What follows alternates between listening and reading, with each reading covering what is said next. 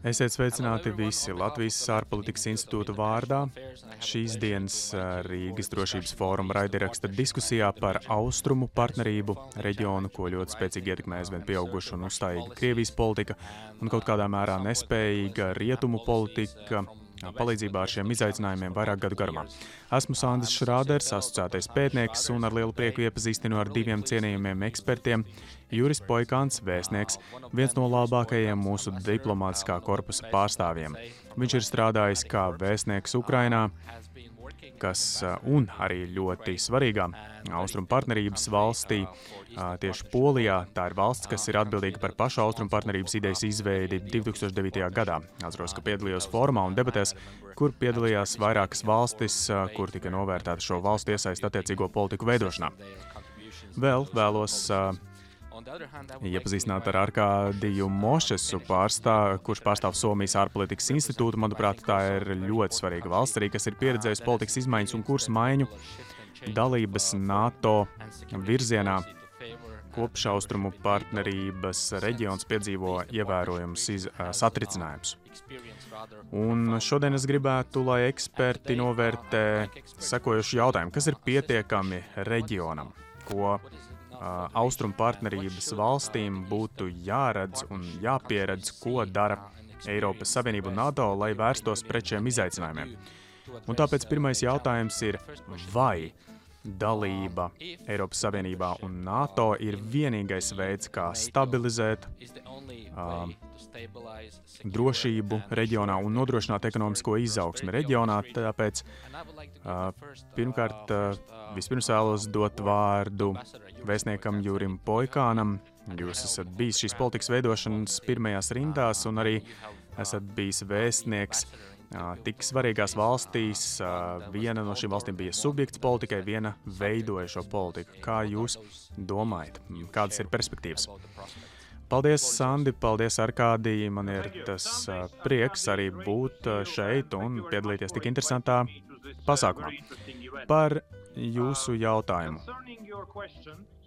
Es domāju, ka Krievijas agresija pret Ukrainu parāda pavisam skaidri, ka, lai stabilizētu austrumu partnerības reģiona valstis, manuprāt, to nav iespējams izdarīt bez Eiropas Savienības un NATO. Un tas ir tā vairāku iemeslu dēļ. Pirmkārt, tāpēc, ka mums ir neatrisināti konflikti Transnistrijā, Abhāzijā, Dienvidosetijā, Kalnu Karabahā. Mums ir karš pret Ukrainu. Un es domāju, ka bez Eiropas Savienības un NATO un bez šo organizāciju arī aktīvas lomas, manuprāt, nav iespējams stabilizēt drošības situāciju ap uh, reģionā. Otrakārt, Eiropas Savienības paplašanāšanās mēs arī nonākam ar katru šo paplašināšanos, mēs nonākam pie tām valstīm, kurām aizvien ir vairāk vajadzīga šī palīdzība. Um, esmu arī nerezidējušais vēstnieks Rumānijā un Bulgārijā, un es redzu atšķirību starp uh, Poliju, Rumāniju un Bulgāriju, piemēram. Tāpēc, ja mēs paskatāmies uz valstīm, piemēram, kā, kā Moldova un arī e, Rietumu, Balkānu, Grūzija, uh, Ziemeļmaķedonija, tām ir vajadzīgs vēl vairāk politiskas palīdzības, un tāpēc to nav iespējams izdarīt bez Eiropas Savienības un NATO. Treškārt, lai šīs valstis mainītos, ir jāievieš ļoti nopietnas reformas. Manuprāt, ir viegli teikt un pateikt, ka jā, jums ir jāatbilst kaut kādiem Eiropas Savienības standartiem, bet bez šādu reformu atbalstīšanas finansiāli tas nav iespējams. Un rezultātā Tas vienkārši kļūst neiespējami bez Eiropas Savienības un NATO, kā jau minēju. Manuprāt, šis karš šobrīd parāda, ka kopumā ir ārkārtīgi grūti Eiropā un Eiropai palikt tā klasiskā izpratnē neitrālai. Un arī Zviedrijas un Somijas pievienošanās NATO arī pierāda šo. Piemēram, Austrija ir pilnīgi citādāk attiecas pret to, ja mēs skatāmies uz šī brīža konfliktu vai, piemēram, vai, piemēram, skatāmies uz valsti kā Moldova. Ja mēs vēlamies labklājību tad vēlreiz atkārtošu, ka tas nav iespējams bez ES un NATO. Un kā pēdējais punkts, un šeit es uzklausīšu Arkādiju ar vislielāko prieku, tad, manuprāt, Eiropas Savienība ir mm, sapratusi, ka arī tai ir nepieciešams šīs valstis, jo uh, karš ir izmainījis uh, arī to domāšanas dinamiku rietumu valstīs, kā piemēram kanclers Šolts, kas ir pateicis, ka viņš redz Ukraiņas vēsturi Eiropas Savienībā. Pirms 24. februāra tas būtu neiespējami tā pateikt. Un tagad mēs jau redzam, ar Albāniju un Ziemeļmaķedoniju notiek pārunas. Tas nebūtu iespējams pirms 24. februāra. Tāpēc Eiropas Savienībai visticamāk tad šie argumenti ir tādi paši. Tas ir par stabilitāti, kāpēc uzņemt šīs valstis. Tad bez Eiropas Savienības lietu sarga nav iespējams iedomāties, piemēram, dažādu konfliktu risināšanu Moldovā, Grūzijā, un citās valstīs. Un tad sākotnējais plāns austrumu partnerībai ir izveidot tieši labklājīgu uh, reģionu, reģionu valstis. Tāpēc, bet pirmkārt mums ir nepieciešama stabilitāte mūsu tuvējos uh, reģionos. Un tad, strādājot pie labklājības, tas arī palīdzētu Eiropas Savienībai un Rietumu valstīm. Manuprāt, tas ir kā, tas ir kā koks ar diviem galiem. Uh, ne visas valstis, bet uh, austrumu partnerības valstīm ir interese Eiropas Savienībā. Un arī tagad. Un otrs gals tam ir, ka Eiropas Savienība ir sapratusi, ka nav vairs citas iespējas, kā tikai, ja nākotnē tomēr šīs valstis arī uzņemt Eiropas Savienībā. Paldies, Poikāna kungs. Manuprāt, jums ir interesantas idejas, un jūs um, tagad arī pastāstāt tieši par šīm interesēm, kuras ir Eiropas uh, un Rietumu valstīm. Un uh, arī pastāstiet par tām valstīm, kuras uh, vēlētos uh, kļūt par Eiropas Savienības dalību valstīm, bet no Baltijas valstu perspektīvas. Tagad arī vairs, mēs neesam tā kā, vairs nav neutralitātes geto Skandināvijā un Zviedrija un Somija, kas vēlas pievienoties NATO mūsu kopējai transatlantiskajai mm, aliansei. Un tāpēc es gribu pajautāt Arkādijam Mošasam, vai jūs redzat, ka Eiropas Savienība un NATO varētu atnest šo stabilitāti, labklājību austrumu partnerības reģionā un transformēt to tādā veidā, kā vai, tātad, vai tas ir iespējams un vai tas ir mērķis austrumu partnerības politikā. Domāju, ka bez konsolidētas rietumu politikas, kas lielākoties tiktu vērsta un arī tiktu virzīta caur ES un NATO, es nedomāju, ka būtu iespējams sagaidīt pozitīvus rezultātus. Un, protams, ka mums ir jāsaprot vairākas lietas. Pirmkārt, nav nekāda reģiona. Austrumu partnerība nav reģions. Tā ir valstu grupa. Kaut kā mehāniski jau Austrum partnerības iniciatīvas laikā, kas ir tad savienoti balstoties uz geogrāfisku eh, to novietojumu un arī to, ka tās iepriekš bija Padomju Savienībā. Citādāk šīs valstis ir ļoti atšķirīgas. Un kāpēc tas ir svarīgi? Ir svarīgi tāpēc, ka dažas no šīm valstīm nemaz nevēlas būt Eiropas Savienības vai NATO dalību valstis, piemēram, Azerbaidžāna. Uh, protams, Ukraina jau ir izdarījusi savu izvēli, un tā, uh, par to arī daudz maksā. Bet Moldova, Grūzija saka, ka viņas ir izdarījušas izvēli, bet ir daudz jautājumu, vai tiešām tas tā ir. Bet, nu, pieņemsim, ka tā ir. Baltkrievija Tā tikai gatavojas izdarīt izvēli, jo tā ir valsts, kura ir pati sevi iekšēji sadalīta. Arī Armēnija. Armēnijai stāv priekšā vēl šī izvēles izdarīšana, bet tādā nākotnē, kā tik tālā nākotnē, ka vēl daudz kas notiks līdz tam. Tas fakts, ka šis reģions ir tik dažāds, nozīmē to, ka būs nepieciešamas dažādas politikas attiecībā uz katru valsti. Un tāpēc dalība nav visu šo valstu nepieciešamība, un to arī nebūs iespējams sasniegt, jo, jo to nevarēs arī piešķirt. Eiropas Savienība tam nebūs gatava pilnībā, un potenciālajā kandidāti un partnervalstis arī ne visas vēlēsies tikt uzņemtas. Politika, strateģiska politika tomēr ir ļoti vajadzīga. Un te ir sliktā ziņa ir tāda, ka notiek karš starp Krieviju un Ukrainu. Un tas ir, tas ir tie bojā gājušie destrukcija un iznīcība. Un pirms mēs zinām, kā tas beigsies, mēs nevaram plānot nākotni un plānot arī konkrētas politikas, kuras mums ļaus nonākt no punktā A punktā B. Tas ir sliktas ziņas, tāpēc, ka karš var turpināties ilgu laiku. Un es vienmēr esmu nedaudz neapmierināts ar šo eifóriju rietumu mēdījos, kad mēs lasām, kas notiek, kur bieži vien izskatās, ka jā, Krievija jau ir sakauta, uzvarēta, un viss, kas atliek, ir tiešām jau plānot uzvaras parādi Maskavā, bet uh, tas tā nav. Tā ir valsts, kas var iet cauri vēl daudz grūtībām un turpināt darīt to, ko tā dara. Tāpēc pirms mēs zinām, kā beidzas karš, politiku plānot ir ļoti grūti. Labā ziņa savukārt ir tāda, ka rietumi Rietumi ir brīvi no dažādām ilūzijām, kuras tā, tiem bija iepriekš, Vairs tad nav runa par kaut kādu piekāpšanos vai,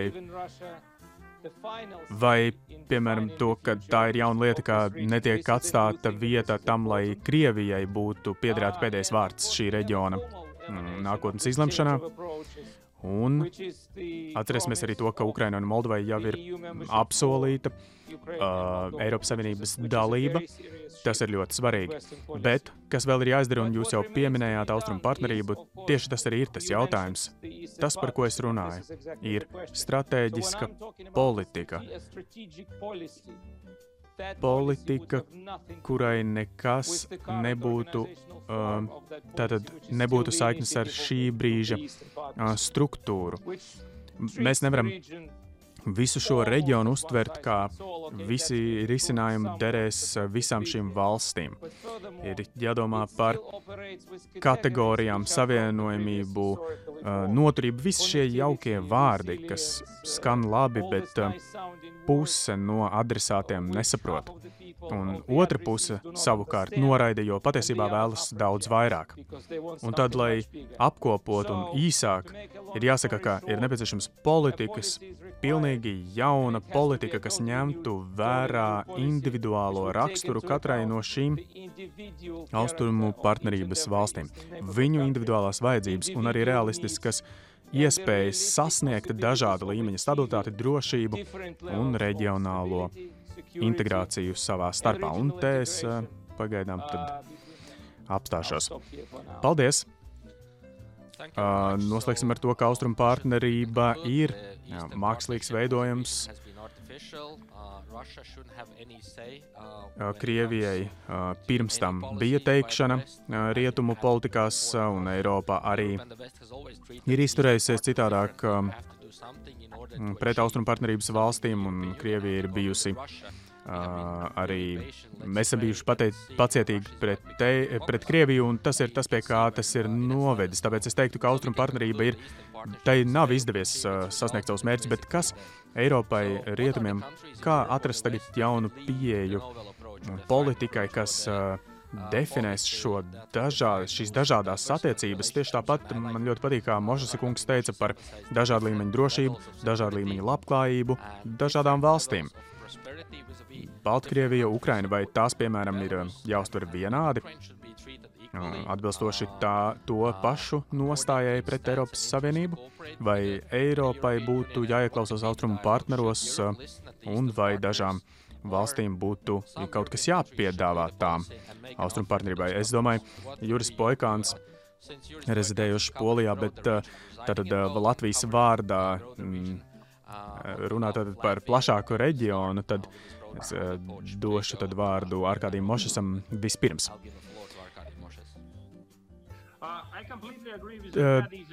Es piekrītu, ka tas ir dažādas valstis. Viņas iepriekš ir bijušas Padomju Savienībā, Krievijas impērijā, bet kas ir kopīgs Moldovai un Azerbaidžānā, tad mēs tiešām sapratīsim, ka tas ir ļoti maz. Un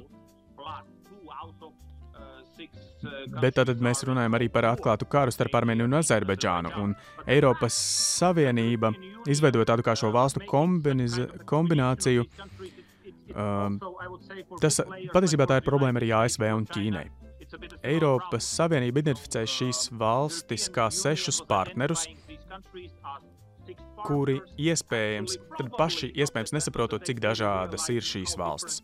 Tāpēc tā ir taisnība, ka Sešas valstis ir ar sešām dažādām ambīcijām attiecībā uz Eiropas Savienību. Tas tieši tāpat bija redzams arī 15. gadā Latvijas prezidentūras laikā. Un katra no šīm valstīm tai ir savas idejas attiecībā uz austrumu partnerību arī. Moldova, Grūzija, Ukraina. Tām ir kā tāds tramplīns, viņas vēlētos lekt Eiropas Savienībā, bet savukārt Baltkrievijā, Ar Armēnijai, Azerbaidžānai ir kaut kāda politiku izstrādāšana. Tāpēc Eiropas Savienība uzsvēra šo vienotību. No manas puses mēs vienmēr esam runājuši par, par tādu kā principu, tad principā šo valstu perspektīvu ignorēšana, kas vēlējās pievienoties Eiropas Savienībai, es pievienojos Arkādijam, ka attiecībā uz Ukrainu šobrīd nav tik skaidrs, bet ir skaidrs ar Moldovu un bija arī kādreiz skaidrs ar Gruziju. Tātad mums ir trīs valstis, kuras redz savu nākotnē ar Eiropas Savienību. Bet ir trīs valstis, un tā ir taisnība, viņām šādas ambīcijas nav. Un, ja mēs runājam par Baltkrieviju, tad patiesībā de facto tā nav austrumu partnerība vairāk. Un tāpēc te ir jānosaka šī atšķirība, ir jāklausās pašu partneru prioritātēs. Protams, ka mūsu mērķim nebūtu jābūt mākslīgi iekļaut kādu valsti no austrumu partnerības Eiropas Savienībā. Ja Armēnija vai Azerbaidžāna nevēlas būt Eiropas Savienībā, tad uh, ar to viss ir kārtībā un ir mm, jāciena šī izvēle. Ja mēs vēlamies izveidot brīvu, kopīgu Eiropu, tad eh, runai ir jābūt par spēju katrai Eiropas valstī pievienoties jebkādai aliansei, kādai tā vēlas.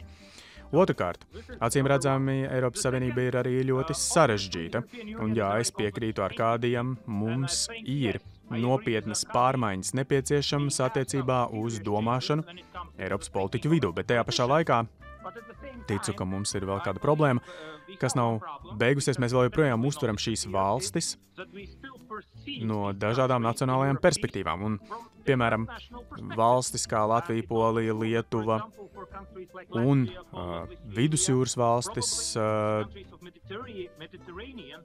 Tad uh, uztvers viņas dažādas šīs austrumu partnerības valstis. Tāpēc jebkādi lēmumi par to, kā, eh, ka ir jābūt kaut kādai vienošanai pār šīm valstīm, un ir jābūt arī vadošajiem spēlētājiem, partneriem - Čehija, Polija, Baltijas valstis, Slovākija. Tās ir tās valstis, kuras redz lielāku iesaisti no austrumu partnerības valstu puses, bet kā organizācijai mums ir jāpieņem beigu beigās visu, visu Eiropas Savienības valstu līmenī. Es domāju, ka ir bijuši lieli soļi atzīstot Eiropas Savienības perspektīvu.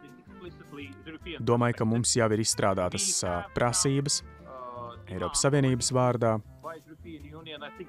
arī, piemēram, pret Ukrainu, bet mums ir jāsāk plānot šis process, lai sasniegtu jau pārunu posmu. Un pēdējais punkts, es gribētu pateikt, ka es neteiktu, ka austrumu partnerība Austrum partnerības mērķis bija izveidot stabilitātes un labklājības uh, reģionu, bet kas cits ir tas, ka mums nebija strateģiskas domāšanas, kas ir sasniedzams un kas nē. Austrum partnerība kā platforma, es domāju, ka tā vēl var palikt tik ilgi, kamēr šīs valstis nav iesaist, iestājušās Eiropas Savienībā. Juri, paldies! Ar kādī jūsu domas? Pirmkārt, es arī gribu pateikt, ka austrumu partnerība, kad tā tika izveidota. Tā bija ļoti noderīga iniciatīva. Ar visiem ierobežojumiem, kādi tie bija. Bet labākie laiki ir pagājuši, un es, nu, ja man būtu jāizlemj, es uh, formāli es uh, arhivētu šo politiku un uh, nu, atstātu to. Es nedomāju, ka ir daudz potenciāla. Ir cilvēki, kas ir iesaistīti tomēr šai politikai ir jāpasaka paldies par to, kas ir sasniegts tajā. Un um, ir sasniegta vīzu liberalizācija, asociācijas līgumi. Tas ir jāatcerās. Uh, sava loma tam ir bijusi, bet uh, tas noderīgums vairs tāds nav. Un tagad tērēt resursus austrumu partnerībā aizvien vairāk mēs, uh, jo tālāk, jo mazāk mēs sasniegtu par katru ieguldīto. Mm, naudas vienību. Es domāju, ka būtu jāpiedāvā sešas dažādas individuālas politikas. Mēs zinām, kas ir jādara ar Ukrainu. Tā ir uzņemšanas politika, kad tas būs iespējams. Eiropas Savienība zina, kā izveidot šīs prasības. Ukrainai nevajadzētu pieļaut, lai tā pieredzētu to, kas ir, kā tas ir pieredzē, pieredzēts dažādās Balkānu valstīs, kuras jau desmit gadiem ir bijušas kandidātu valstis. Um, es domāju, ka prasībām ir jābūt ļoti nopietnām, un tajā pašā laikā arī tām ir jāveicina reformu veidošana, nevis lai izveidotu kaut kādu priekšrakstu, lai uz visiem laikiem liektu patiesībā uzņemšanu. Un ar Moldovu ir skaidrs, ka tas ir sarežģītāk, jo dažas no šīm problēmām ir uh, dziļākas Moldovā, bet no otras puses tā ir arī mazāka valsts. Grūzija, tai ir jāzina, ka uh, tai ir atvērtas durvis, ja tā turpinās arī reformas, un tomēr, ja reformās būs arī vērojams regress, tad uh, tai ir jāzina, ka tā nekļūs pat par kandidātu Azerbaidžānai un Armēnijai. Mm, tas, tas arī ir pilnīgi cits stāsts. Uh, te ir jāsadarbojas uh, šādā līmenī, kā, kādu ir iespējams. Ekonomiskās intereses, sociālā sadarbība interesē vairāk iesaistīt rietumu mediātorus konfliktā un tos, kuri garantēs uh, Armēnijas in, uh, teritoriālo nedalāmību citādāk nekā to ir garantējusi Krievija.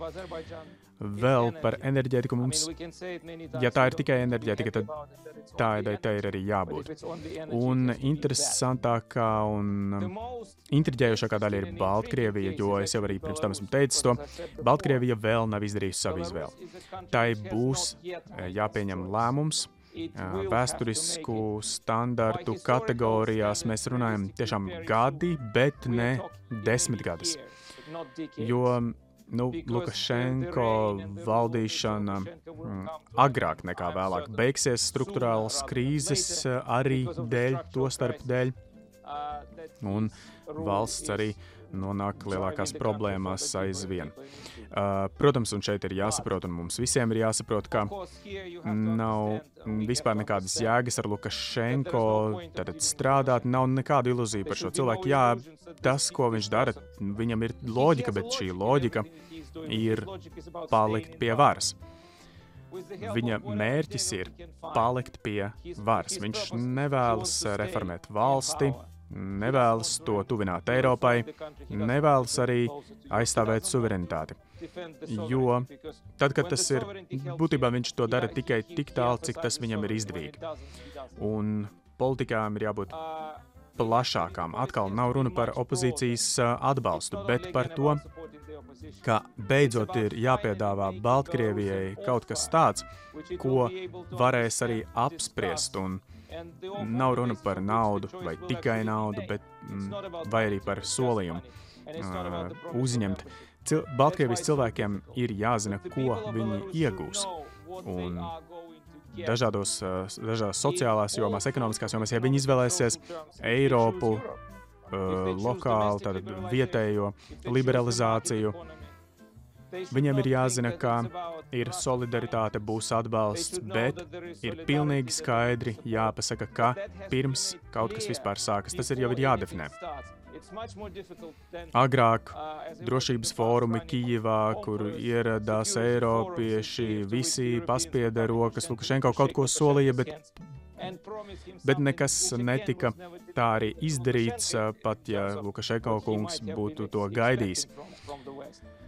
Un tas ir ļoti svarīgi, jo ja Baltkrievija izlems tirgus, demokrātija, reģions būs, reģions būs daudz labāks nekā tas ir šobrīd. Tā būs stabila drošība un vismaz Tas būs arī stāsts par um, Baltkrievijas attīstību, kura pirms tam gāja pretējā virzienā. Ļoti interesantas idejas no visa, ko jūs sakāt. Vēl izriet jautājums, kā vērsties pie šīm valstīm individuāli, kurš par to atbildēs un no kurienes būs nauda. Ar kādiem, manuprāt, ļoti svarīgi, jo bez naudas mums tā politika īsti nevar būt. Maršala plāns, to dzirdam tagad ļoti daudz, un mm, tā ir tāda vēsturiska analoģija, protams, ka Eiropas rekonstrukcijas plāns, tā to sauca uh, pagātnē, Uh, nu, Eiropas, domāts, uh, Baltkrievijā varbūt tas neskan tik labi, bet um, viņu identitāte ir citādāka. Bet konstruktīvā veidā, ja mēs piedāvājam Māršala plānu austrumu valstīm, kā jums šķiet, kas būtu šīs valstis, kas pacelt roku un teiktu jā? Assuming no leader would be thrown out like former Piemēram, kā 1949. gadā, kā tika tātad šie te, uh, vadoņi, uh, at, kad atbrīvojas no vadoņa, kurām valstīm ir jābūt atbildīgām par šo naudas administrēšanu tām valstīm, kuras vēlētos piekrist tātad šādai uh, palīdzībai uh, un uh, vēlētos tikt uzņemtas uh, NATO un Eiropas Savienībā.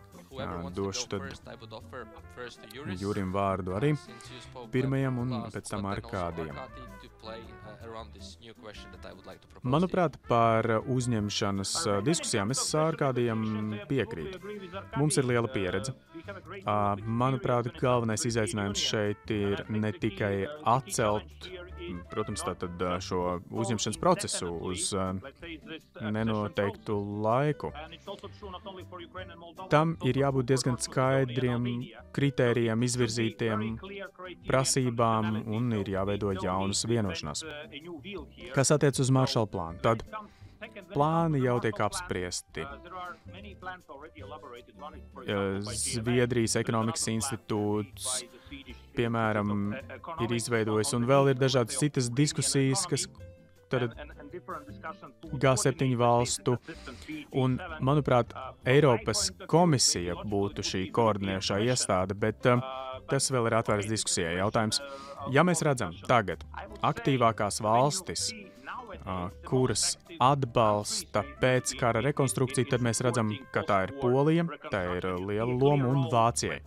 Tagad lēmums tiek pieņemts Eiropas Savienībā apmācīt Eiropas, uh, Ukrainas uh, karavīrus, bet attiecībā uz Ukrainu tad pēc kara es domāju, ka Vācija un Polija izrādīs vislielāko interesi. Protams, ar citiem partneriem Eiropā, un, protams, ka tam nav jābūt tā noslēgtam, vai arī uh, ir jāiesaista visa Arābu pasaule, ASV, Japāna. Bet visticamāk šīm tātad valstīm būs lielāka interese konkrētajā reģionā. Bet kas attiec uz Baltkrieviju, tad es uh, pilnībā piekrītu ar kādiem, manuprāt, pārmaiņas uh, būs agrāk nekā vēlāk. Un es varu iedomāties, ka Baltkrievijas atgriešanās Eiropas demokrātisko, Baltkrievijas atgriešanās Eiropas demokrātisko nāciju saimē šo nākotni ir jāizlemj gan pašai valstī, gan arī tās jaunajai valdībai. Tagad Baltkrievijā ir lielas problēmas vietēji. Es varu iedomāties, ka mēs varam izstrādāt maršala plānu Baltkrievijai, taču mm, tas ir ļoti atvērts jautājums, kā sasniegt Baltkrievijas sabiedrību, kā informēt viņus par šāda plāna esamību. Manuprāt, ir nepieciešams pārmaiņas vietējā līmenī, un tikai pēc tam mums ir jāizveido plāns, kas piedāvās iespējas, skaidrs iespējas Baltkrievijas valstī. Neredzu, ka mēs varētu darīt vēl arī kaut ko citu. Esam diskutējuši, esam arī ieviesuši dažādas sankcijas attiecībā pret Baltkrieviju, bet, um, kā mēs redzam, tad, kas vēl joprojām turpina pastāvēt.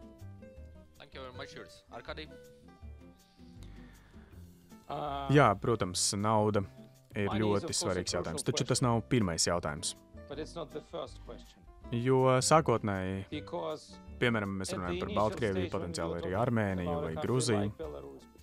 Mēs nerunājam par simtiem miljārdu dolāru. Mēs runājam par relatīvi nelielu naudas daudzumu.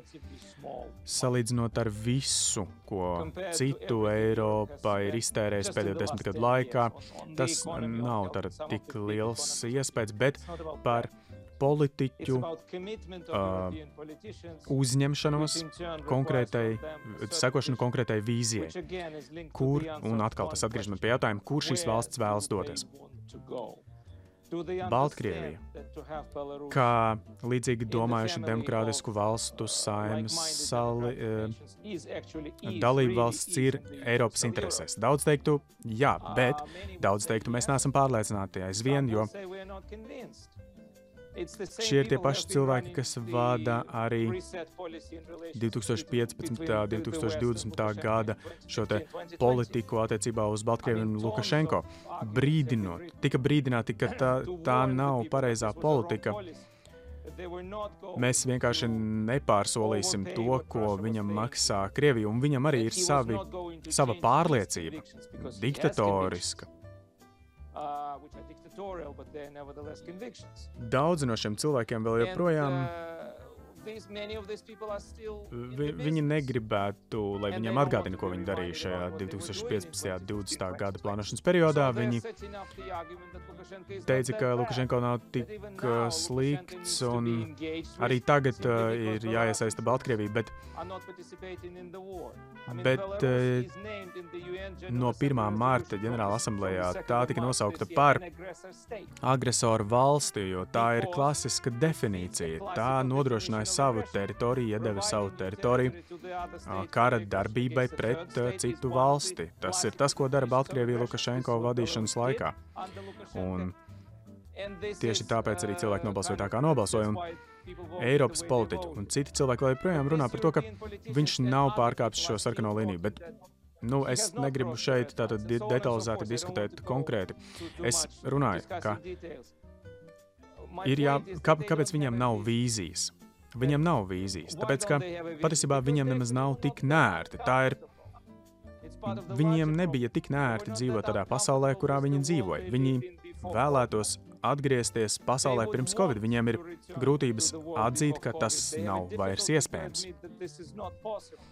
Viņiem pašiem nav pārliecības. Viņi necenšas pārliecināt elektorātu paši savā valstī. Protams, kādam ir jārunā ar cilvēkiem piemēram, Austrumvācijā, nezinu, Romā, piemēram, kur cilvēki iznāk ielās pret rietumu politikām. Vai viņi arī uzstāsies pret uh, austrumu pierobežas reģionu integrēšanu? Tad ir pret to jāvēršas pirms vispār mums ir plāns, cik daudz un uh, cik daudz mēs tērēsim šajā projektā. Un varbūt tas ir jādara paralēli, tad kāpēc darīt lietas citādāk? Kāpēc tas ir nepieciešams? Nevis tikai gudri Eiropas Savienībai. Un pēc tam, kad esam par to izlēmuši, tad ir jāsaprot, ka nauda patiesībā nemaz nav problēma. Kā mēs tagad redzam, cik daudz naudas tiek uh, tērēts atbalstam Ukrainai, tā nav tik liela problēma. Daļai tā ir, bet nav tik liela. Un ir pieminēts jau, ka pirms gada, ja pirms gada būtu nepieciešams Ukraiņai tik daudz naudas kā tagad, tas nekad netiktu atrasts. Bet tagad mēs uh, atrodam aizvien vairāk, jo problēma ir tajā, ka mēs saprotam, ka tas, kas, tas, ko ir nepieciešams izdarīt, ir tik svarīgi. Arkādī, paldies! Es gribētu noslēgt um, šo diskusiju par austrumu partnerību tā vairs nav tāda, kāda tā bija. Diezgan arī mirusi ir šī ideja. Mēs saprotam, ka nauda nevar nopirkt stabilitāti, ekonomisko izaugsmi un drošību. Tostarp Ukrainai vispirms ir jābūt vīzijai, idejām, un tam ir jānāk no centrālās, no austruma Eiropas, jo, piemēram, Itālija vai Spānija interesējas par šo reģionu mazāk. Un ir valstis, eh, kuras eh, vēlas tādu pašu stabilitāti, drošību, kāda tā ir mums, un mēs kā cilvēki. Mums ir jāveicina to, ka šie cilvēki var to sasniegt. Paldies eh, Jurim Poikanam un Ārkādiem Mošsam no Somijas ārpolitikas institūta un mūsu Latvijas ārpolitikas institūta vārdā. Paldies, ka pievienojāties. Šī bija ļoti interesanta diskusija.